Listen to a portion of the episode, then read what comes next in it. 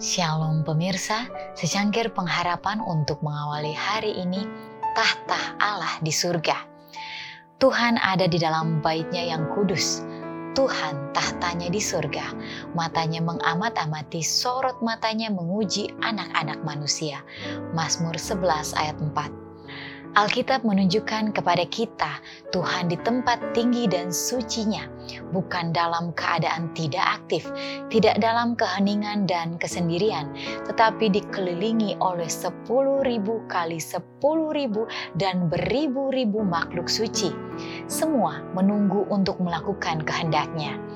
Melalui para utusan ini, dia aktif berkomunikasi dengan setiap bagian dari kekuasaannya oleh rohnya, dia hadir di mana-mana. Melalui hak pilih rohnya dan para malaikatnya, dia melayani anak-anak manusia. Allah duduk di tahtanya di atas kegaduhan yang ada di bumi.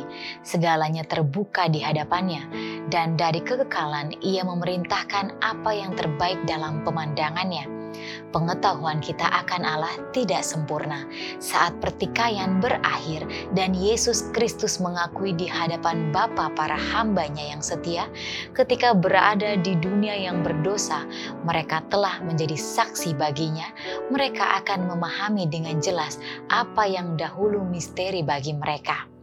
Kristus membawa serta kepengadilan surgawi kemanusiaannya yang telah dimuliakan. Kepada mereka yang menerimanya, dia memberikan kuasa untuk menjadi anak-anak Tuhan, agar akhirnya Tuhan menerima mereka sebagai miliknya untuk tinggal bersama-samanya selama-lamanya. Jika selama hidup ini mereka setia kepada Tuhan, mereka akhirnya akan melihat wajahnya dan namanya akan ada di dahi mereka. Dan apakah kebahagiaan surga selain melihat Tuhan?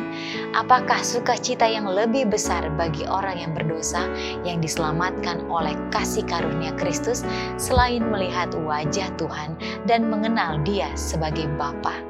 Demikianlah renungan kita hari ini. Selalu mulai harimu dengan secangkir pengharapan.